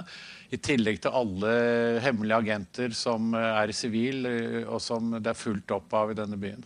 Hvordan feirer tibetanerne nyttår? De feirer det egentlig ved en stor fest. Det er jo en, en, en, eh, flere ukers feiring, dette her, men det viktigste er de tre første dagene. Og i dag er også starten. og Vanligvis så vil man eh, kjøpe inn kjøtt, jakksmør, te, kanskje drikkevarer og ha måltider med familien og feire. og Det er også en veldig viktig religiøs høytid. Men nå har den tibetanske eksilregjeringen i India sagt at eh, årets losar, som eh, tibetansk nyttår heter, ikke bør feires pga. Eh, alle disse tragiske hendelsene. Både med at Tibet er så undertrykket av kineserne, og alle de som har satt fyr på seg selv i protest. Så her er det altså en konflikt tibetansk eksilregjering oppfordrer til at man ikke skal feire, mens kinesiske myndigheter gjerne vil at det skal feires, slik at uh, man kan få se bilder av uh, glade mennesker i Tibet som uh, syns de har det fint. Og kinesiske myndigheter mener jo også selv at de har modernisert hele dette området fra å være veldig tilbakestående til, til, et moderne og fint område med bedre skoler og bedre helsevesen. Men eh, samtidig så jo, har de også flyttet inn veldig mange han-kinesere inn i Tibet. Eh, og jeg er ikke sikker på helt eh, hvordan forholdet er, men det er vel i ferd med å bli flere kinesere i Tibet enn tibetanere. Men hva tror tibetanske nonner og munker at de kan oppnå ved å tenne på seg selv? De sier selv at de eh, gjør dette i dyp fortvilelse fordi de ikke har noen andre muligheter. De, de ser på dette som en, en siste utvei, som et eh, ikke-voldelig eh, tiltak. Og de har jo skapt mye oppmerksomhet rundt omkring, både i Tibet og de tibetanske områdene i andre deler av Kina, og også i hele verden med disse aksjonene. Det er jo ganske ekstreme aksjoner. Kinesiske myndigheter er veldig redde for, eh, for disse aksjonene. De kaller eh, disse munkene og nonnene for terrorister. Og de har også utstyrt uh, sikkerhetsstyrkene i uh, de mest berørte områdene med brannslukningsapparater. Ja, for det kan ikke være er, veldig lett for myndighetene, selv om det står kinesere på hvert et hjørne, hvis en virkelig vil tenne på seg selv? Nei, det er jo ikke det. De har jo, vi har jo sett eh, en god del bilder som har blitt smuglet ut. Videoer av, eh, av folk som har tent på seg selv. Og Vanligvis så vil jo ikke kinesere heller gripe inn i en sånn situasjon. Så det må jo være politi eller militære som gjør det. Så det er jo mange som har klart å gjennomføre dette. Og så er det etterpå så har det ofte vært en kamp om å få eh, hånd om eh, den døde kroppen etter en slik selvbrenning. Eh, og, og det, det, har også vært en, en, konflikt med kinesiske myndigheter. Takk til deg, Asia-korrespondent Anders Magnus. Da har klokka blitt 7.44, eh, og det er tid for Politisk kvarter. Og hvem er liberal, og hvem er det ikke? Det er spørsmålet i dag, Bjørn Myklebust. Eskil Pedersen har drukket gravøl for det liberale Venstre. Han er jo litt søt, da, svarer Sveinung Rotevatn.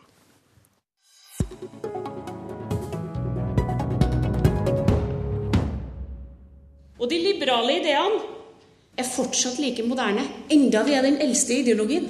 Vi står i en tradisjon. Så har vi en liberal oppgave å gjøre denne byen mer liberal, det gjør landet her liberal, og vi står i en tradisjon som vi kan være stolt av. Venstres leder Trine Skei Grande på talerstolen lørdag, men samme dag så jeg deg, AUF-leder Eskil Pedersen, drikke gravøl for det liberale Venstre over to sider i Klassekampen? Ja, La meg aller først si da at jeg også syns Sveinung er veldig søt. Eh, men det er vel ikke det vi diskuterer her i dag. Eh, jeg eh, syns Venstre er et parti som har mye bra for seg, og har mange gode politiske ideer som jeg deler. Derfor så er det så synd at Venstre nå gjør noe veldig historisk og ganske dramatisk som vi burde diskutere, fordi velgerne trenger å være klar over det. Og det er at de åpner opp for å sitte i regjering med Fremskrittspartiet. Unge Venstre har gjort det. Eh, alle fylkeslagslederne til Venstre har sagt at de ikke utelukker det. Um, og jeg tror det kommer til å føre til eh, at eh, vi får eh, Fremskrittspartiet i regjering hvis de borgerlige vinner valget. Og det er det Venstre som bidrar til. Og jeg syns jo det er oppsiktsvekkende å se på en måte de tre kravene Venstre har til å sitte i regjering med Fremskrittspartiet. Det er altså en mer human asylpolitikk, det er en bedre klimapolitikk, og det er en ansvarlig økonomisk politikk. Og da er på en måte Venstre sin, eh, sitt syn på hva de tror de kan få til. Eh, et parti som fikk 3,9% i forrige valg under sparegrensa, skal da inn i regjering med et stort Høyre og et mye større Fremskrittsparti enn det Venstre er. Det syns jeg er oppsiktsvekkende at de tror at det er mulig å få gjennomslag for. Det kommer til å føre en sterk høydreining av politikken. Det kommer til å føre, en, føre til en mer eh, hard og lite human asylpolitikk, og i hvert fall ikke en klimapolitikk vi kan være stolt av. Og det liberale Venstres død? Ja, jeg tror dette først og fremst er et problem for Venstre. fordi vi vet jo at Venstres velgere overhodet ikke ønsker Frp-samarbeid. Eh, og Da syns jeg det er rart at ikke Venstre kommer til motsatt konklusjon og sier at OK, vi er ikke 100% fornøyd med den rød-grønne regjeringa. Eller Sveinung vil si at de er lite fornøyd med den rød-grønne regjeringa. Men kom heller til oss, som i hvert fall har hjerte for disse sakene, enn til Fremskrittspartiet, som er på en annen planet enn dere. Det var den skålen. Da må jeg begynne med å kondolere. Sveinung Rotevatn, leder i Unge Venstre. Jeg tror ikke er noen grunn til å kondolere. og Jeg syns dette er litt typisk for Arbeiderpartiet sitt syn på seg sjøl i norsk politikk. For de er på en måte de snille, og så blir det litt sånn personlig fornærma hvis et annet parti kan finne på å samarbeide med andre parti enn de om viktige saker. Og Så kan en gjerne diskutere eh, om og i hva grad Venstre kommer til å få gjennomslag for våre liberale saker i samarbeid med andre parti på borgerlig side. Det tror vi at vi kommer til å få til. Det er derfor vi kommer til å gå til valg på det. Eh, og så kan jeg gjerne diskutere det motsatte. ikke sant? Hvordan er det med gjennomslag for liberal politikk på rød-grønn side? Men der er jo ikke problemet samarbeidspartnerne til Eskil. Der er problemet partiet til Eskil. Der er problemet Arbeiderpartiet, som gjennom de siste fire åra har innført et gigantisk overvåkningsregime gjennom datalagringsdirektivet, der alle nå blir overvåka uten mistanke, som fører en asylpolitikk på tvers av internasjonale anbefalinger og menneskeretter. Og vi snakker om en partileder, Jens Stoltenberg, som sto på Dagsrevyen i fjor og sa at uh, det noen må stå opp for systemet når det rammer enkeltmennesket. Det mest, det... det mest illiberale partiet i moderne norsk historie, har vel du sagt? Ja, jeg vil si det av de som har hatt innflytelse i norsk politikk. Og det er fordi at en gjennomgående har sett det, at Arbeiderpartiet ikke tar enkeltindividets side i kamp med systemet, men gjør det motsatte. Altså, Jeg tror ingen tror på Sveinung Rotevatn når han sier at Arbeiderpartiet er det mest illiberale partiet. Det er en påstand som faller på sin egen urimelighet. Det er altså sånn at jeg eh, er eh, for at vi er mer liberale, mer humane i asylpolitikken. Eh, jeg er for en offensiv klimapolitikk. Ja, for Da vil vel mange si at i innvandrings- og integreringspolitikken f.eks. så er det Frp som ligner mest på dere, på Arbeiderpartiet. Ja, Det er jeg veldig uenig i. Det er et hav av forskjell i asylpolitikken mellom Arbeiderpartiet og Fremskrittspartiet. Men la meg bare ta noen eksempler. Altså, Da Venstre satt i regjering med Høyre og KrF, ikke Fremskrittspartiet, da halverte de antall kvoteflyktninger som får lov til å komme til Norge. Et av de mest eh, viktigste tiltakene for å hjelpe mennesker eh, som er eh, på flukt, eh, og de aller hardest ramma. Eh, det var sånn at man stengte eh, innsynet til en del miljøfaglige råd for viktige oljeutvinninger. Det åpna vi under denne regjeringa, og vi har også da økt antall kvoteflyktninger. Da Arbeiderpartiet og SV tok initiativ i Stortinget i 2004 til å fjerne blasfemiparagrafen, så sto Venstre sammen med, med sin egen regjering for å beholde den. Eh, det sto bom stille i fire år med, med likestilling for homofile. Eh, og i år, eh, nei, i 2009, etter at vi hadde sittet i regjering i noen få år, så tok vi et stort skritt framover, og vi fikk en felles ekteskapslov. Dette er eksempler på at mange liberale, viktige verdier for meg har blitt gjennomført under denne regjeringa. Det gikk i gal retning da Venstre satt i regjering. Og nå skal de altså ikke sitte i regjering med Høyre og KrF, nå skal de sitte i regjering med Fremskrittspartiet, som er enda mer ekstreme i disse spørsmålene. Venstre var entusiastisk med å støtte den felles ekteskapsloven og var med og hjalp dere å sikre flertall for den. Og det ble flemma på Stortinget, det har vi meint i tolv år. Eh, og så er det selvsagt slik at eh, Venstre i norsk historie i siste tida ikke har vært det største partiet. Men vi har fått mange viktige gjennomslag, og kommer til å få det også i neste periode når vi forhåpentligvis får bytta regjering. Blant annet, vi satt i regjering sist, fikk vi fjerna løsgjengerparagrafen. Vi innførte en langt mer human narkotikapolitikk, der vi fokuserte på helse istedenfor straff. Vi liberaliserte en oppstiva og planøkonomisk landbrukssektor. Nå ble det mange lister her, syns jeg. Ja, og det tror jeg er ganske viktig, for at velgerne er nødt til å se ja. det at vår liste av liberale gjennomslag, til tross for å være et lite parti, er langt større enn Arbeiderpartiet sier, som har vært et svært parti. For å spørre Eskil Pedersen, du, du holder liksom Frp opp her, og, men du angriper vel på en måte Venstre for en politikk de ikke står for. Du angriper FrPs politikk, akkurat som om Rotevatn skulle angrepet deg for at SV er mot Nato? Jo, men altså, Det er helt oppsiktsvekkende og eh, for Venstre, med den historien de har, det verdigrunnlaget de har, å komme til den konklusjonen at de skal sitte i regjering med Fremskrittspartiet. Fremskrittspartiet er... De har vel ikke sagt det så utad? Han som står ved siden av meg, er veldig entusiastisk for det, så da får vi ta hans, eh, hans utgangspunkt. Jeg syns at det er Eh, en fallitterklæring i forhold til de liberale verdiene som jeg deler, eh, og som eh, mitt parti har jobbet for, og som også Venstre deler og jobber for. Altså, Her snakker vi om å ta et parti inn i regjering med det synet de har på mennesker med en annen uh, flerkulturell bakgrunn, og hele deres historie som handler om å generalisere, sette folk inn i grupper, og at de fortsatt i 2012 ikke tror på klimaendringene. Det er det partiet Venstre vil gi makt hvis de uh, får borgerlig flertall på Stortinget. Det fortjener velgerne å vite, og Venstres velgere de sier nei til det. Rotevatn, uh, føler du en slags redsel fra venstre side her på hva som skjer på borgerlig si det? Er jeg helt klart, for jeg tror Arbeiderpartiet nå ser, og Eskil nå ser, at det sannsynligvis blir et nytt flertall i neste stortingsperiode. Og så er er litt sånn personlig fornærma over at en ikke ønsker å søke flertall sammen med deg. Men det jeg tror, er at i neste stortingsperiode, og i Norge nå, så er det et par store liberale kamper som må få gjennom. Det å gi næringslivet bedre vilkår for å skape verdier, det å ta individets side i kamp mot overvåkning, og det å mjuke opp asylpolitikken. Og da tror jeg, og jeg ser det dag til dag på Stortinget, at det får den gjennomslag for på borgerlig side.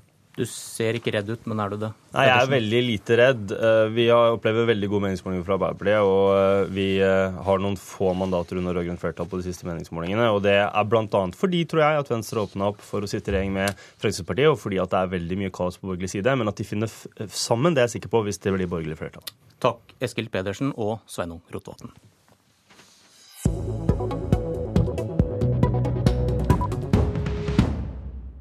Utenriksminister Jonas Gahr Støre, velkommen. Takk. Du har nettopp kommet hjem fra det første utenriksministermøtet i G20 i Mexico. Og var det verdt turen? Det var en lang tur, både fram og tilbake. Men for meg var det verdt det, fordi dette var G20-kretsen pluss en tre-fire andre land som var invitert, og Norge var blant dem. Og det er første gang at utenriksministeren i denne kretsen møtes, og det tror jeg bare er et bevis på at den kretsen vil markere seg på andre områder enn bare finanskrise. Eh, og det er jo en søken i en verden hvor eh, vi ser så mye gjensidig avhengighet og så mange eh, konflikter og vanskelige situasjoner som krever politisk engasjement fra regjeringene i verden at det er ikke bare finansministeranliggende å håndtere en finanskrise, men vi har altså overspill til mange andre politikkområder som også utenriksministrene må ta hånd om. Men det er også en litt forsiktighet, fordi at G20 har jo ikke noen traktat, de har jo ikke noen konstitusjon. Det er en selvoppnevnt gruppe som uh, føler seg fram. Og det var jeg også opptatt av å si, at de må passe på legitimiteten. Altså at beslutningene som eventuelt blir fattet, er forankret slik at verdenssamfunnet kan forholde seg til det. Er det ufint å spørre om hva Norge fikk ut av turen? Ja, For meg var jo det som norsk utenriksminister veldig nyttig å tilbringe halvannet døgn med disse lederne, både formelt og uformelt. Masse kontakter, masse samtaler én til én med eh, amerikansk utenriksminister, EUs utenriksansvarlig, Mexicos president osv. Det er nyttig for Norge. Og så er det godt å komme på innsiden av pulsen i den debatten som går i den kretsen. Vi kom jo ikke med der automatisk, men når vi nå fikk muligheten, så utnyttet vi den så godt vi kunne. Norge er ikke med i G20, men er slike invitasjoner et steg på veien mot det du vil, at Norden skal få et sete?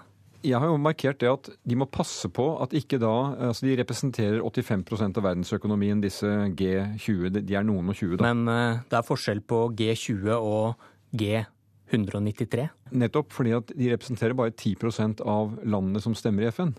Og en del av ideen med FN er jo at det er universelt, at alle er med. Så Derfor så må de ha åpne dører og kanaler, og det var dette møtet et, et forsøk på. Jeg tror det også var en anerkjennelse til Norge for noe av det vi står for i internasjonale sammenhenger, at de ønsket å ha oss med i den diskusjonen. Hvorvidt Norden får en egen stemme i framtidig G20, det får vi nå se, men det å gjøre det poenget at Norden til sammen er den sjuende og åttende største økonomien i verden. Vi deltar aktivt utadvendte stater og støtter opp under FN og andre internasjonale ordninger. Da hører også vi med når man tenker nye løsninger. Og det har et visst, et visst gjenklang i, i, slike kretser. Ja, Et av argumentene for at du mener Norden bør få ha en stemme, er at Norden har en stor økonomi. og, og da legitimerer du vel prinsippet om at det er hvor mye penger du har, som skal bestemme hvor mye makt du har? Det er to sider ved det. Altså, vi er en stor økonomi hvis du ser oss sammen. Vi er jo fem forskjellige land. Men vi bruker også mye av vårt engasjement til å delta i internasjonalt samarbeid. Rundt det bordet nå så er det i utgangspunktet de største økonomiene i verden, men ikke bare. Nå er det jo sånn som jeg mener er et framskritt. Nå er det representanter for Latin-Amerika, Nord-Amerika, Europa, Afrika, ulike deler av Asia. Så det er mer representativt. Det er likevel de rikeste, er det ikke det? Eh, jo, det er eh, de, de, rikeste, kan du si. for det utgjør da... Men argumentet du da bruker om at det er Nordens økonomi som er så sterk at vi bør ha et sete, er du ikke da med på å legitimere en rikmannsklubb? Vel, jeg ser det vel slik at uh, dette er jo stater som da er i stand til å ta beslutninger i en krisetid. Det var derfor G20 ble opprettet på slutten av 90-tallet etter uh, finanskrisen i Latin-Amerika. Så fikk den ny relevans etter finanskrisen på slutt for en to-tre år siden. Uh, det er altså ikke et formelt organ, men det er et organ av stater som når de kommer sammen, kan ta beslutninger som fører til noe. Men vi er jo også en veldig klar talerør for at legitimiteten til det som skjer i slike organer, er at alle er eh, med. Og Derfor så er det nå forankret der at det skal ikke tas beslutninger i G20, men det skal være diskusjoner som så fører til beslutninger i internasjonale pengefond, i Verdensbanken, i ulike FN-organer, hvor det er altså universell deltakelse. Men, du, kommer, du kommer allikevel ikke unna i denne verden at de som har ressurser, og de som har muligheten til å gjøre noe med de ressursene, de har en innflytelse, og sånn tror jeg det fortsatt kommer til å være. Oppsummert, FN er idealisme, Nei. G20 er realisme? Eh, eh, begge deler bør være realisme, men med også hva skal jeg si, ideelle mål om hvor verden skal utvikle seg. Og Det er jo der FNs charter fortsatt er viktig. Eh, innen området global helse, hvor Norge har arbeidet mye de siste ti årene, så har det vært et mangfold av initiativer. Private aktører, Bill Gates, mange har kommet fram og løftet viktige initiativer. Men i bunn ligger Verdens helseorganisasjon som det FN-organet som sikrer at alle på en måte er med og, og, og får vært med å påvirke utviklingen. Og så møter du anklagen om at ved å ville påvirke G20, ved å være en del av det, så svekker du FN. At det er et nullsumspill der den makten G20 tilriver seg, det går utover noen. Det er noe som heter at makta rår, og G20 eksisterer. De har opprettet seg selv. Fingeren i jorda. De fortsetter å møtes, og da er det norsk linje at da eh, fremmer ikke vi våre syn ved å si at eh, de vil vi ikke ha noe med å gjøre. Nei, vi tar den muligheten når den kommer. Og verden trenger jammen meg at de som har makt, møtes og tar beslutninger. For det er jo det som slår oss i dag, at det skjer veldig mye møter, veldig mye aktivitet for å finne løsninger på regionale spørsmål og veldig mye positivt å melde. Men på de store globale temaene, klima, handel, nedrustning, eh, finansløsninger i denne globale verden, der mangler det den kraften til å bli enige. Og da tror jeg bare at eh, vi kan iallfall ikke si at det at de møtes er galt. Tvert imot, de bør møtes, men de bør også ha kraft til å ta beslutninger.